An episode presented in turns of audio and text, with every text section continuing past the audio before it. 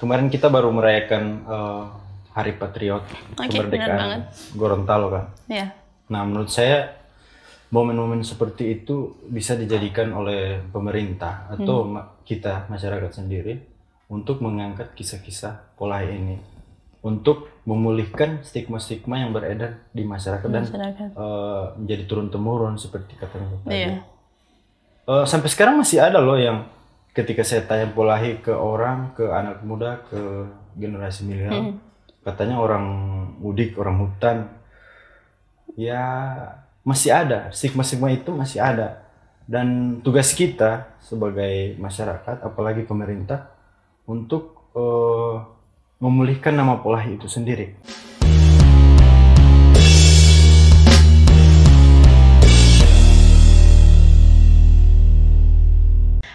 Assalamualaikum warahmatullahi wabarakatuh. Apa kabar? Semoga kalian semua sehat walafiat ya. Oke, jadi pertama-tama saya mau ngucapin terima kasih banyak karena ternyata di 2021 ini perjalanannya cukup cukup luar biasa dan yang menjadi uh, favorit 5 video teratas itu adalah Polahi. Untuk itu, saya mohon kesediaannya nih dari seorang jurnalis freelance tingkat internasional untuk hadir malam ini diskusi bareng karena uh, beliau ini beliau ya nggak apa-apa brother sebenarnya. Brothers. Oke, brother ini sudah berhasil menginjakkan kakinya di kediaman Polahi Ya. yang berada di gunung lain. Jadi bukan di eh, satu komunitas Polahi yang sudah saya kunjungi di video-video sebelumnya, tapi ini spesial. Tapi itu masih ada dokumentasinya nggak, brother? Apa foto? Dokumen iya gitu. Ada. Oke, jadi nanti bisa dilihat atau nanti bisa langsung berkunjung ke link ini yang mana udah ditulis langsung dari Bro Franka ya. Halo brother. Halo. Apa kabar? Baik, alhamdulillah. Sehat? Sehat meskipun Oke. ya saat ini masih pandemi. Gimana sih ceritanya sampai akhirnya pengen banget untuk bertemu dengan Polahi. Bahkan saya dengar tuh kan dari tulisannya itu tahun 2019 ya. 2019 nih berhasil dan itu sebelum menikah. Sebelum Nah, tadi kita udah bincang-bincang sebelumnya. Itu bener nggak sih bahwa memang berkunjung bertemu dengan Polahi ini merupakan nazar dari Bro Franco? Iya, ya, karena mungkin saya cerita langsung Iya. saja. mm. Eh, perjumpaan dengan Polahi ini sih eh, kalau untuk saya pribadi itu adalah proses panjang. Jadi eh, mungkin orang-orang ketika bilang ini cuma iseng-iseng aja nih ingin tulis Polahi, tapi Uh, tidak. Atau pengen ini nih, pengen viral. Iya, pengen viral atau ya gitulah. Uh-uh. Tapi tidak. eh, eh, pertama kali saya mengenal eh, Polahi itu, jadi ada cerita menarik waktu saya kelas 6 SD kalau tidak salah. Oke. Jadi Sekitar tahun 2004-an? 2003, 2004? ya, Yes. ya, ya. Jadi waktu itu eh, ada kerumunan warga waktu itu saya pulang dari sekolah. Hmm. Pas pulang dari sekolah, eh, saya melihat kerumunan warga. Nah di tengah-tengah kerumunan warga ini ada seorang anak kecil yang tinggi badannya eh, tidak jauh berbeda dengan itu. Dengan usia sepantaran kita ya. Nah. Singkat cerita, eh, si anak ini terlihat menangis.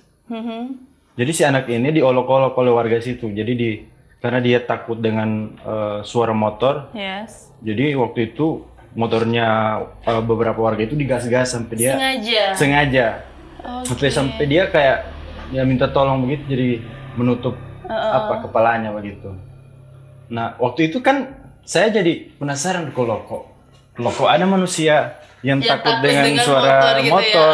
Nah, waktu itu saya apa ya cerita itu membekas di dalam benak saya. Uh, more than love saya. Iya ya. Jadi dia membekas Hmm.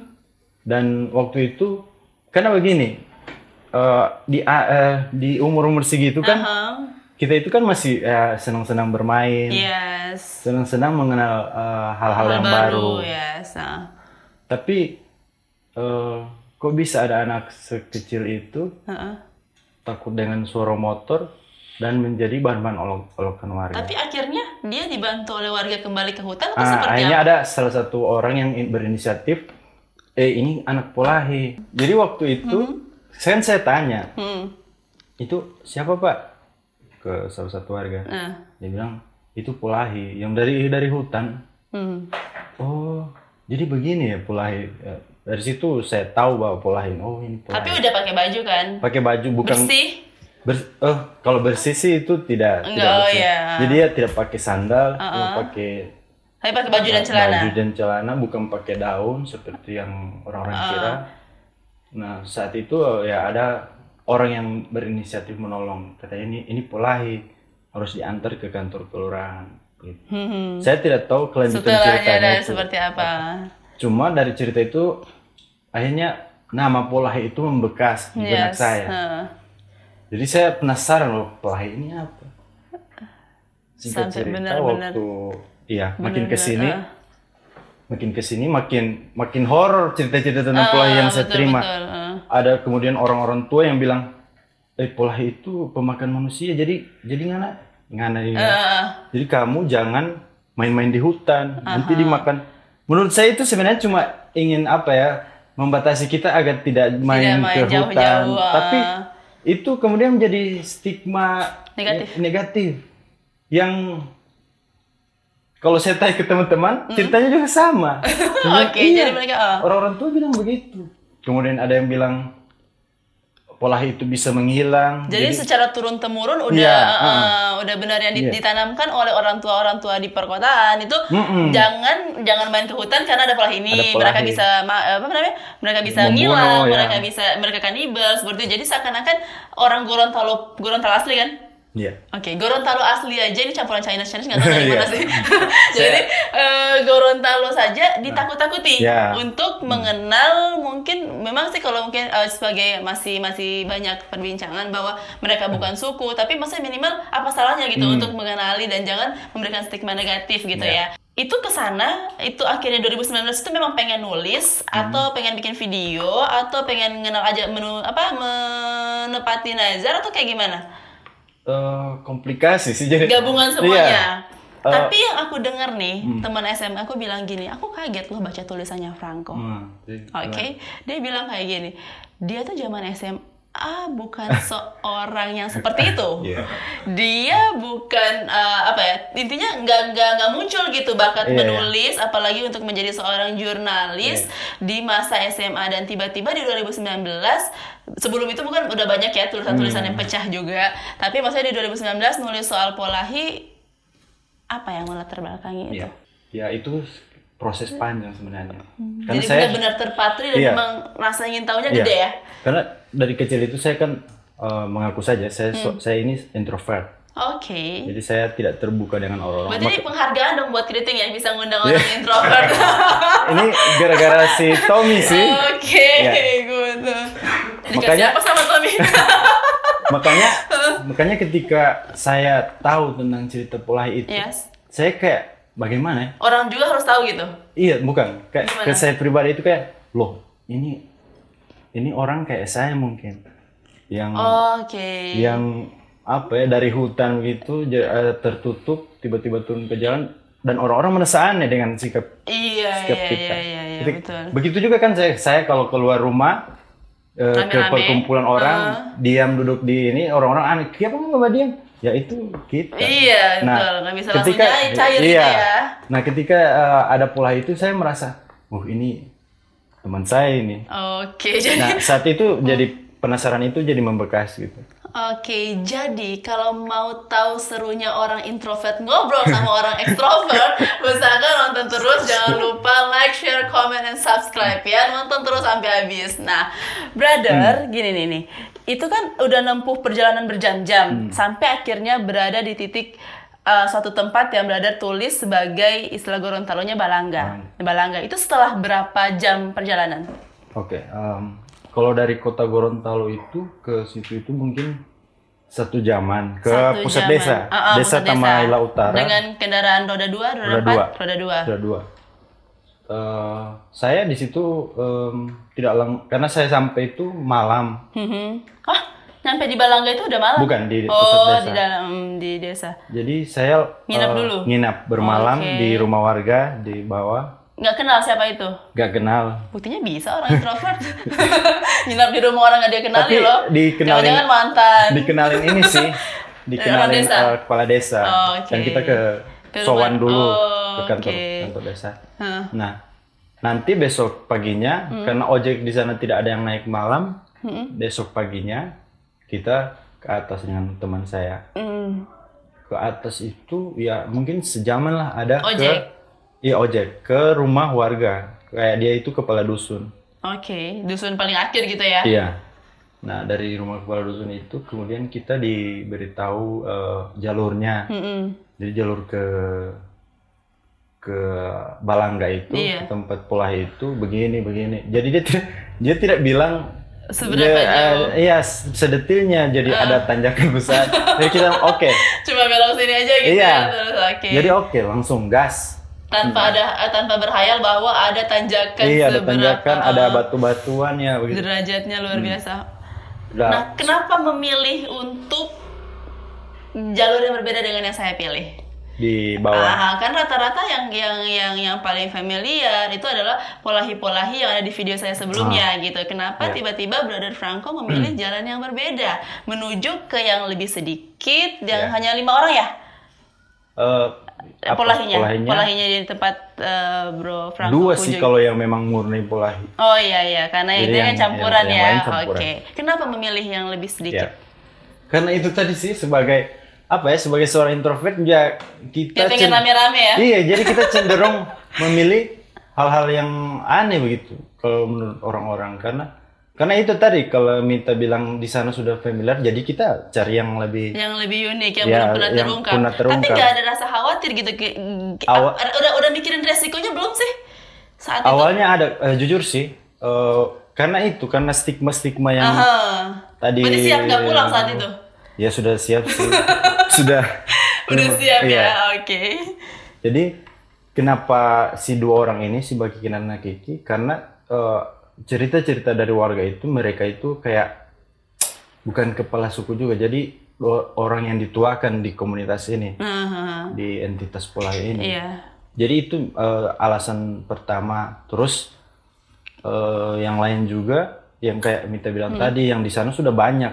Mhm. Ketika orang eh, penasaran dengan Pulahi, ada cerita-cerita yang sudah di kayak keriting kan sudah ke sana, ada juga trans tujuh ke sana. Ini kan benar-benar pure, masih alami, masih suci, masih virgin gitu Ya, ya, belum makanya- belum terbongkar gitu. Nah, nah, terus sampai akhirnya bisa bisa ngobrol tuh menggunakan pendekatan seperti apa? Iya, eh, jadi ceritanya itu kan kita sampaikan sampai eh, dalam kondisi haus. Yes. Jadi kita bertemu dengan Palijati kalau baca tulisan saya itu.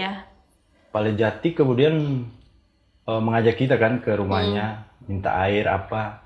Nah kita dong bilang jelaskan Pak kita ini mau ketemu Polahi. Mm. Ada nggak di sini? Oh ada, dia bilang. Pas ditanya mau ngapain? Iya mau nulis. ngapain? Terus diiyakan gitu? Iya sih. Atau kalian menyembunyikan alasan kalian datang? enggak. Oh, tetap Kita bilang mau terbuka, nulis. kita bilang kita ingin menulis soal Polahi. Ah, Oke. Oh begitu, dia bilang. Iya ada. Mungkin sebentar lagi ada di sini. Mau lewat gitu, dia udah tahu jamnya gitu Iya. ya. Sudah eh, berapa menit kita bincang-bincang dengan Palijati. Mhm. Terus ada karena itu stigma buruk itu ya masih ada Tetap kan. melekat, iya. Namanya juga udah mindset ya, udah udah Mm-mm. jadi mindset di pikirannya Nah, anak-anak Gorontalo. Ada ada suara ini kan di sebelah rumah Palijati ada suara suara kayu gitu. Loh. Ini, ini mungkin mungkin dia. Mulai mistis Ada suara langka makin dekat makin besar Yes. suaranya dan tiba-tiba muncul lah bagi dan Nakiki. Oke. Itu uh, pandangan pertama kita itu mereka uh, apa ya sangat uh, menghindar menghindari tatap muka dengan orang-orang asing. Ah. Nggak ada Jadi eye mereka, contact iya, gitu ya. jadi mereka itu langsung naik begitu. Ih, loh, ada Ah, orang tiba-tiba kan itu rumah panggung. Oh ya. Jadi mereka nggak lewat pintu, langsung naik gitu. Petak. Eh, langsung tiba-tiba muncul. Ah, terus pada jati lah yang uh, Menjadi dia jadi mediator mau gitu dia ya. mediator bilang Tuti dalam bahasa Gorontalo Yes. Hmm. ini ada orang ketemu dengan Polahi dengan Tiba Kiki dengan Nakiki terus kalau tidak salah dia bilang "Ah, mau lah Aha. Ah, terus Pak Jati bilang ya cuma baku apa Oh, cuma ingin oke. ketemu saja Yes, yes. Eh, jadi pengalaman pertama juga dengar suara langsung Dari Polahi Polahi, itu yes. jadi penekanan suara mereka itu agak tegas kemudian cepat kayak Eminem rapper jadi begitu Oke. Dengan eh, bahasa Gorontalo bahasa yang asli masih ya. murni yang Yes. Hmm. Nah, kan kita terbatas, Yes. jujur-jujuran Iya. saja, kita terbatas bercerita. Jadi apa yang ingin kita tanyakan tapi kita tidak bisa mengungkapkan, kita tanyakan lewat Palijati tadi. Oh, Oke, jadi, Jadi ini begitu. jadi translator lah Iya, si jadi- Cipali Jatinya. Sudah cerita-cerita di situ Lama tuh diskusinya.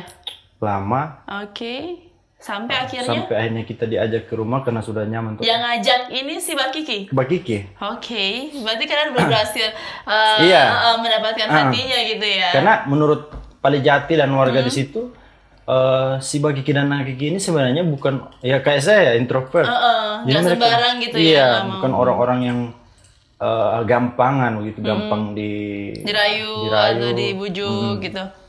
Makanya kita saat itu Palijati bilang dia juga kaget kok bisa. Itu pertama kali berarti ya, mungkin Pertama sampai kali. sampai Palijati itu heran berarti kan Iya. ah, itu memang benar-benar baru first time Iya. gitu Jadi terjadi. Palijati itu sempat cerita, eh, Hmm. bukan ada ada satu warga lagi. Waktu kita pulang dia sempat cerita ada banyak mahasiswa yang mungkin meneliti Ah, mau sini, ke sana. tapi dia nolak. di- ditolak bukan ditolak secara Ah. frontal gitu, tapi mereka nggak mau bicara gitu. Oke, berarti Makanya- mungkin jawabnya ya tidak Iya. ya tidak gitu doang ya. Meskipun saat itu pun si Mbak Kiki? spesi eh, ya, khususnya si Bakiki ini dia memang eh, pasif. Dia dia bukan orang yang apa ya, Mau menjelaskan iya, bertele-tele panjang banyak lebar bicara gitu. tidak. Hmm.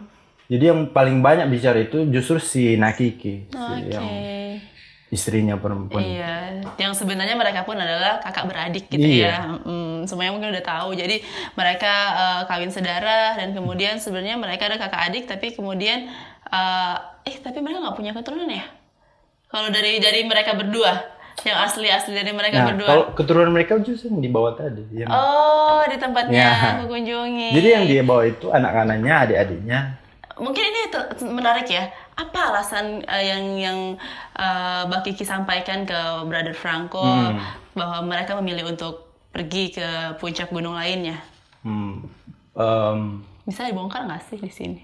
mungkin ini tadi apa yang eh, kawin saudara itu mungkin bisa Bisa jadi kawan alasan? saudara.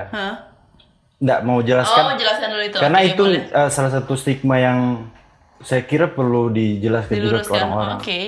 Jadi kan saya itu eh, penasaran saya juga langsung saya tanyakan. Berarti nanya nanya Nah, ya langsung. meskipun ya, itu saya takut. iya kan?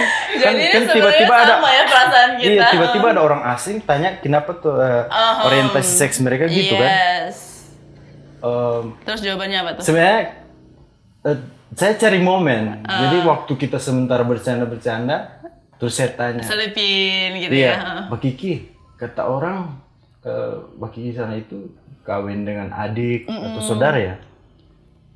Eh, nah Kiki yang jawab, dia bilang begini, eh, di hutan itu cuma ada babi, cuma ada burung, ada pepohonan. Nah ketika dorang, eh, ketika mereka kayak Tidak melakukan itu. Iya kan kan itu kan manusiawi kalau Yes, akses. yes. Jadi dorang eh, mereka mau nggak mau menikahi atau menyetubuhi adik mereka sendiri. Berarti itu suka sama suka. Kalau dibilang suka sama suka itu Mungkin pas satunya suka gitu Cuma- ya udah. Pas satunya suka cobain lagi. kalau lebih tepatnya itu kidding.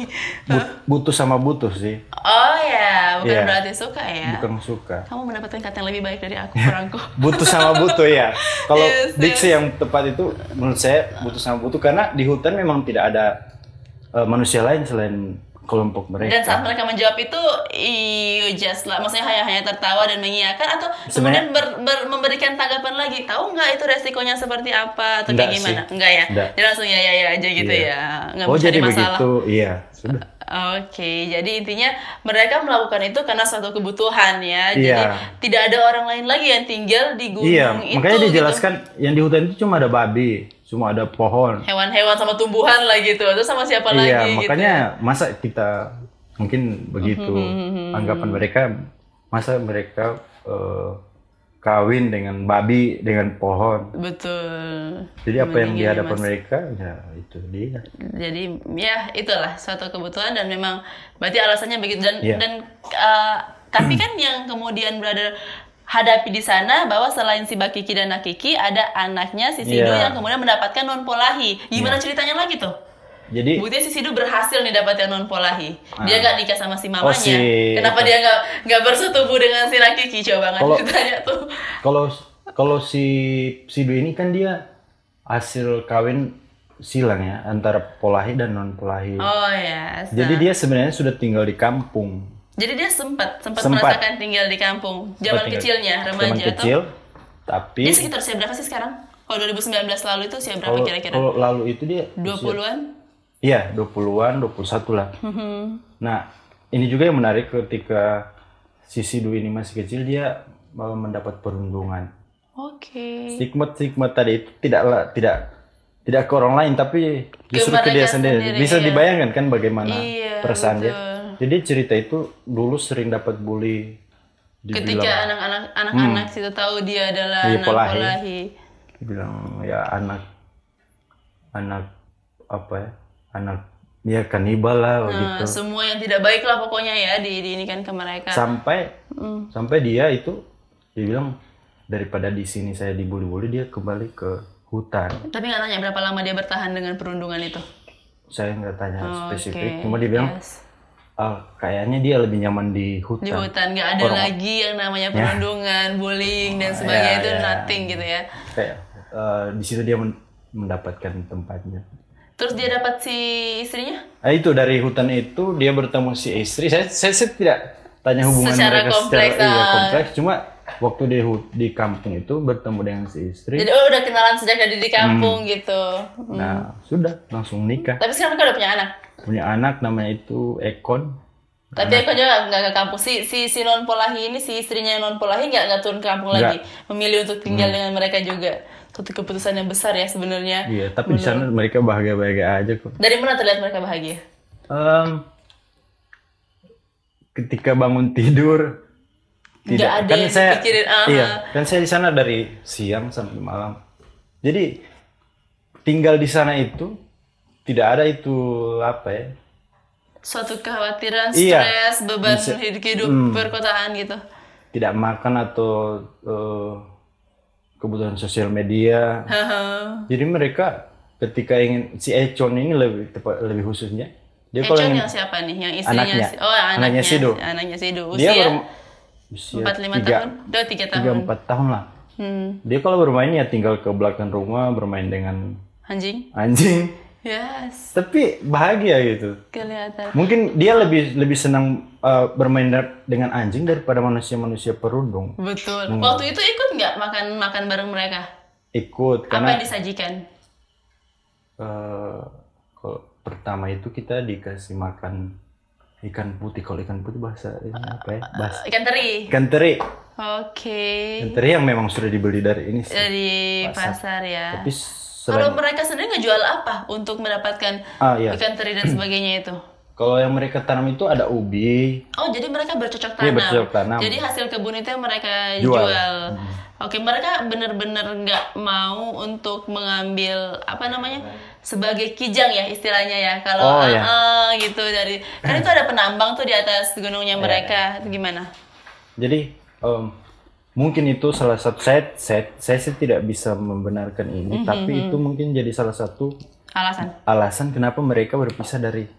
Oke, dari komunitas. kelompoknya mereka Iya. ya, kelompok besar. Jadi kayaknya si Bakiki dan Makiki ini, Mm-mm. makanya kenapa saya ingin bertemu yang tua-tua, Iya, yang tua, karena mereka menurut saya masih masih memegang teguh prinsip-prinsip yang eh, prinsip leluhur mereka. Hmm. Jadi ketika adik-adiknya tadi yang minta singgung sudah bekerja jadi kijang kayak di Dan di tempat yang aku kunjungi kan seperti itu pas aku buka mata pagi-pagi, padahal itu masih pagi Iya. loh, masih masih subuh lah gitu ya.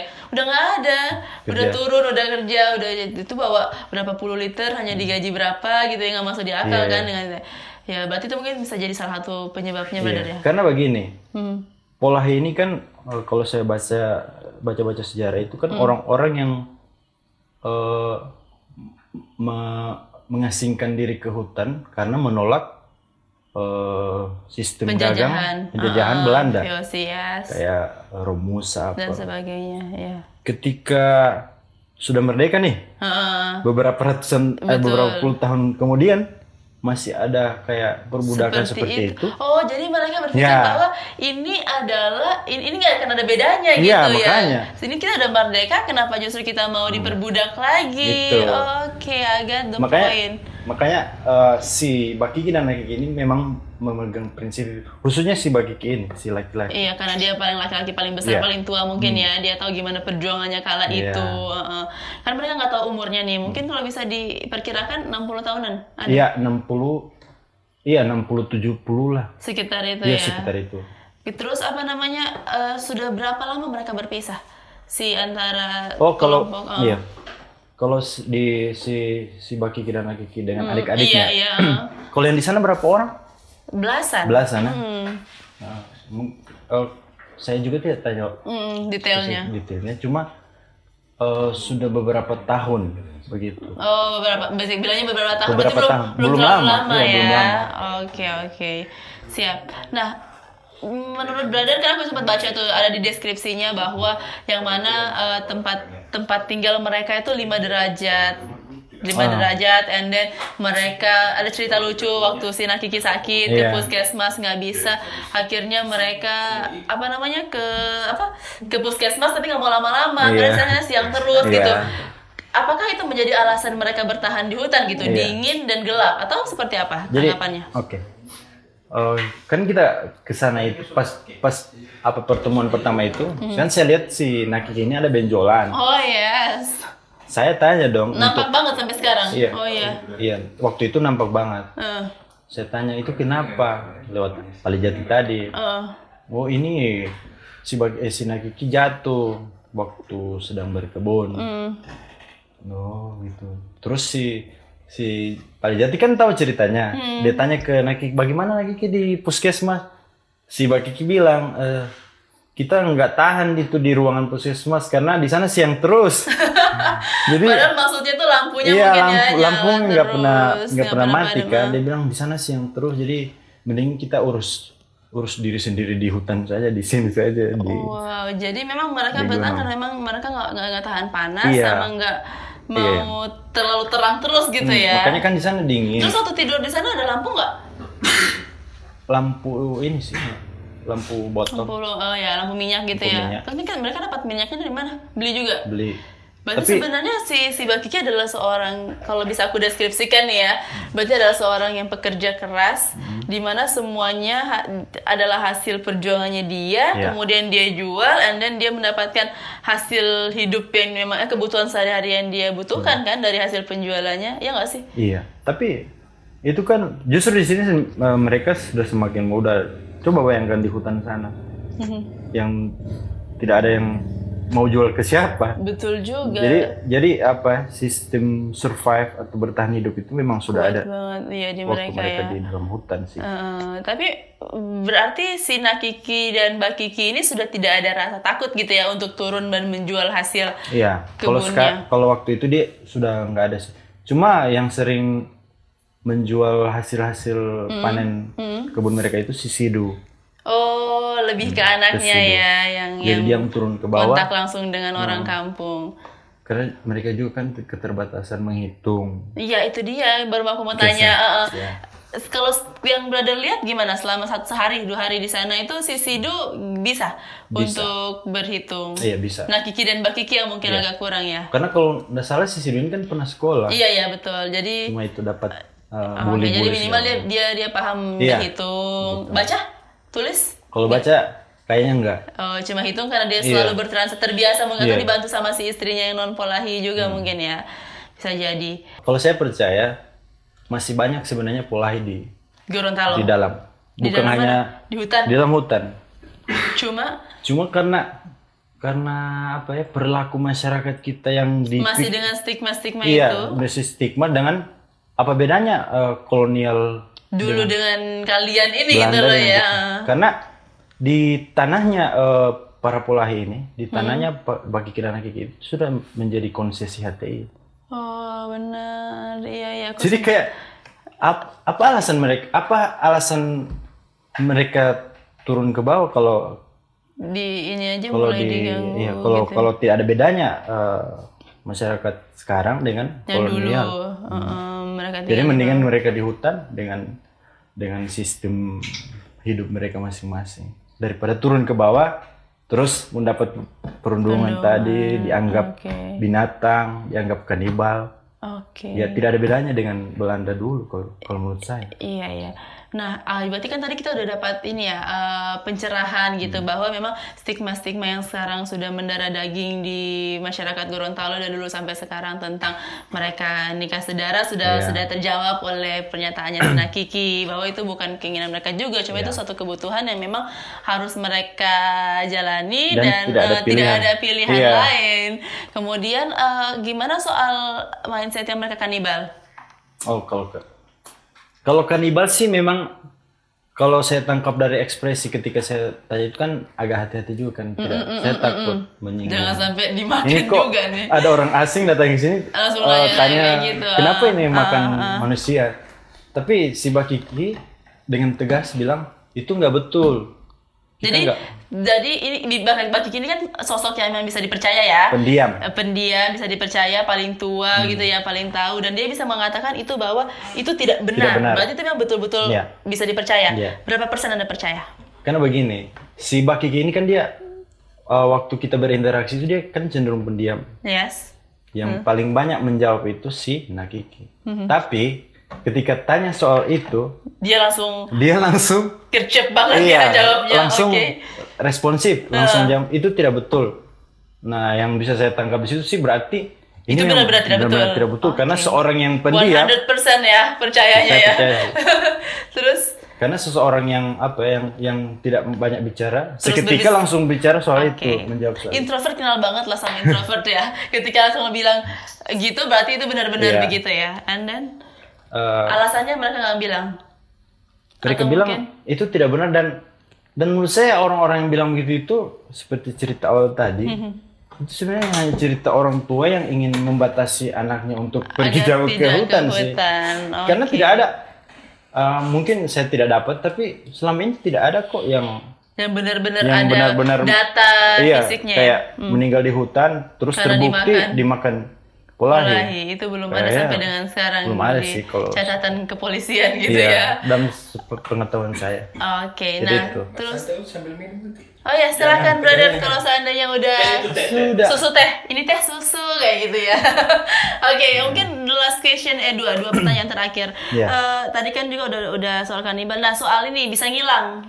oh iya bisa Ada ngilang. jawaban oh, iya. secara Jadi, logis nggak iya, sih? Akademis? menurut saya logis sekali karena begini Gimana? kan orang-orang tua bilang itu polahi itu ketika dia berteriak di gunung A Hmm.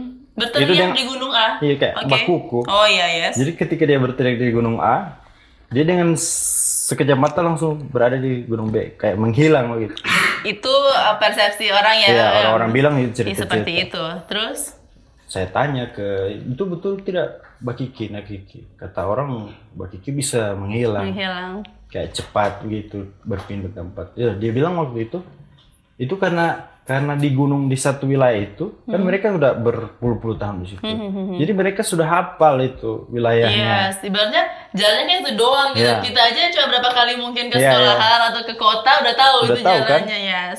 jadi Berarti mereka sudah tahu jalan tikus ke sini tembusnya lewat mana? mana iya jadi kata dia itu bukan menghilang tapi mereka cepat Oke, dan Cepat memang benar sih di di saat waktu aku ke sana kan juga sempat bawa beras dan sebagainya Hmm. yang berat banget kan. Minta tolong nih ke si Tanio ya yang yang bawain. Hmm. Dia ngebawa satu koli beras tuh sak jalannya ya Allah, aku yang nggak bawa apa-apa kalah gitu kan. Jadi benar-benar ternyata karena mereka udah hafal Iya. jalannya ya. karena sudah terbiasa juga di dalam hutan Yes. Nah, gimana sahabat kriting? Kalian udah mem- udah seberapa persen kekuatan dan kesiapan untuk bertemu para polahi? Karena ternyata alhamdulillah 2019 Brother Franco udah ke sana ke tempat yang sebenarnya tidak sering dikunjungi oleh orang ya. Beda dengan yang tempat saya kunjungi dan alhamdulillah sekarang 2020 makin 2021 makin makin jaya gitu ya. makin uh, sejahtera dan tidak kenapa-napa gitu ya. enggak. Basically, Justru begini, uh, saya juga mau cerita. Di di di atas sana itu, Mhm. saya sempat sakit gigi kan. Seriusan? Iya, serius. Karena dingin kali ya? Dingin. Dingin, dengan 5 Nah. derajat. Si Bakiki dan Nakiki ini eh secara sukarela itu langsung bilang, tolong ambilkan air. Eh seriusan? ini di Oh, ambilkan air terus si Mbak Kiki memanjatkan doa-doa begitu di dalam gelas gitu heeh. pakai jarinya? iya beberapa Itu aja kali yang bikin sembuh. beberapa detik kan saya juga sudah tahu ada ada ada yang beginian kan. Percaya atau tidak? Gorontalo ya. cuma akhirnya saya minum. Eh bukan minum sih kumur terus dielus-elus ke bag- beberapa bagian tubuh. Dan saya percaya bukan bukan karena dia yang menyembuhkan tapi karena kebaikan dia. Oke. bukan bukan dia eh, iya perantara dari Tuhan mungkin. tapi karena kebaikan kemurahannya itu yang menyembuhkan. Nggak nanya itu apa yang dibacain. Enggak sih jadi beberapa menit kemudian habis hilang Serius? saya percaya aja Hanya berselang beberapa, Iya, beberapa menit, menit. hilang. Ah-ah. Yang tadinya ngilu banget. Ngilu banget. Uh, ya Allah. Tapi secara secara oke soal yang doa-doa itu percaya ya. Kalau untuk mitos percaya nggak bahwa apa ya pola yang tadi stigma-stigma itu mungkin gimana percaya nggak? Kalau tidur sama mereka nanti mungkin siap, eh, tapi tidur kan di sana atau Tidur di tutup sana. mata, nyenyak atau Eh, nggak bisa sebe- tidur? Sebenarnya bukan tidak nyenyak gara-gara mereka tapi karena dari suhu tadi. Iya. Oh, yes. Jadi saya itu orang yang tidak tahan dingin. Mhm. Makanya saya ekspektasi saya di sana itu kan kayak gunung-gunung gunung terus yes. pada umumnya tinggal Panas bawa gitu ya, jaket paling dingin tebal. dingin dingin dingin biasa. Tapi ternyata di sana lebih dingin dan dan anehnya mereka lebih nyaman di Di sana. di, susu seperti itu Yes, yes, yes. daripada di bawah tadi. Mereka ada sungainya dekat situ? Ada. Oh, iya. Makanya waktu pertama kan saya jalan kaki ke atas haus. Mhm. Eh, dengan sendirinya saya bawa ini kan botol, saya ambil Ting. Yes. di sungainya itu. Iya. Karena saya lihat juga masih murni. Nah, brother, dengan terjawabnya stigma-stigma Hmm. negatif tadi ke Polahi yang semoga itu bisa uh, Iya. membuka pemikiran dan wawasan dari para penontonnya Kriting ini, saya pengen kasih dong closing statement tentang Polahi ini kepada sahabat Kriting. Silakan. Oke. Kemarin kita baru merayakan eh, Hari Patriot banget. kemerdekaan Gorontalo kan. Ya. Nah, menurut saya momen-momen seperti itu bisa dijadikan oleh pemerintah atau Hmm. kita masyarakat sendiri untuk mengangkat kisah-kisah pola ini untuk memulihkan stigma-stigma yang beredar di masyarakat dan Masyarakat. eh, menjadi turun temurun seperti katanya tadi. Eh, sampai sekarang masih ada loh yang ketika saya tanya polahi ke orang, ke anak muda, ke generasi milenial, katanya orang mudik, orang hutan, ya masih ada. Stigma-stigma itu masih ada. Dan tugas kita sebagai masyarakat, apalagi pemerintah, untuk eh, memulihkan nama polahi itu sendiri. Karena polahi ini kan kalau saya baca dari sejarahnya itu orang-orang yang kalau kata orang mereka lari, takut.